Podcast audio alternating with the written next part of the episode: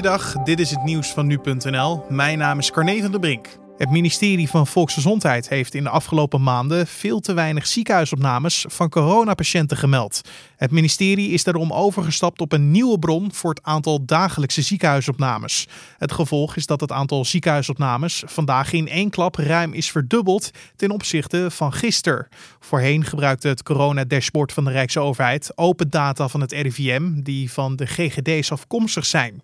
Vanaf dinsdagavond gebruikt het controlemiddel gegevens van Stichting Voor het dagelijks beeld van de ziekenhuisopnames. Volgens het ministerie van VWS geven de NICE-cijfers een beter en actueler beeld van de druk op de zorg.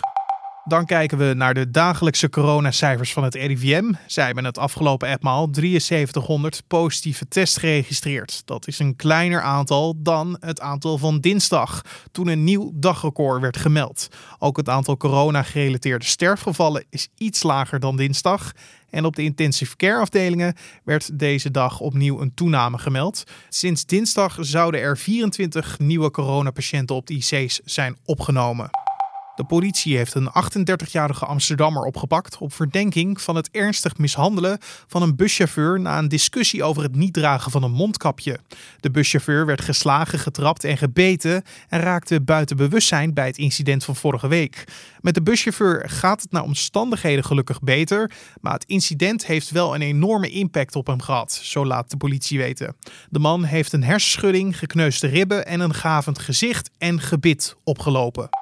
Het TBS-systeem staat onder grote druk. Dat stelt de Inspectie Justitie en Veiligheid in een verschenen rapport. Instellingen dreigen de regie op de behandelingen kwijt te raken zonder extra investeringen in onder andere meer personeel. De problemen zijn niet alleen ontstaan door het gebrek aan voldoende personeel, maar ook door te grote instroom van TBS'ers en het feit dat de plekken in de klinieken niet meegroeien. Minister Sander Dekker van Rechtsbescherming heeft laten weten dat hij de capaciteit bij TBS-instellingen op korte wil uitbreiden. En tot zover de nieuwsupdate van nu.nl.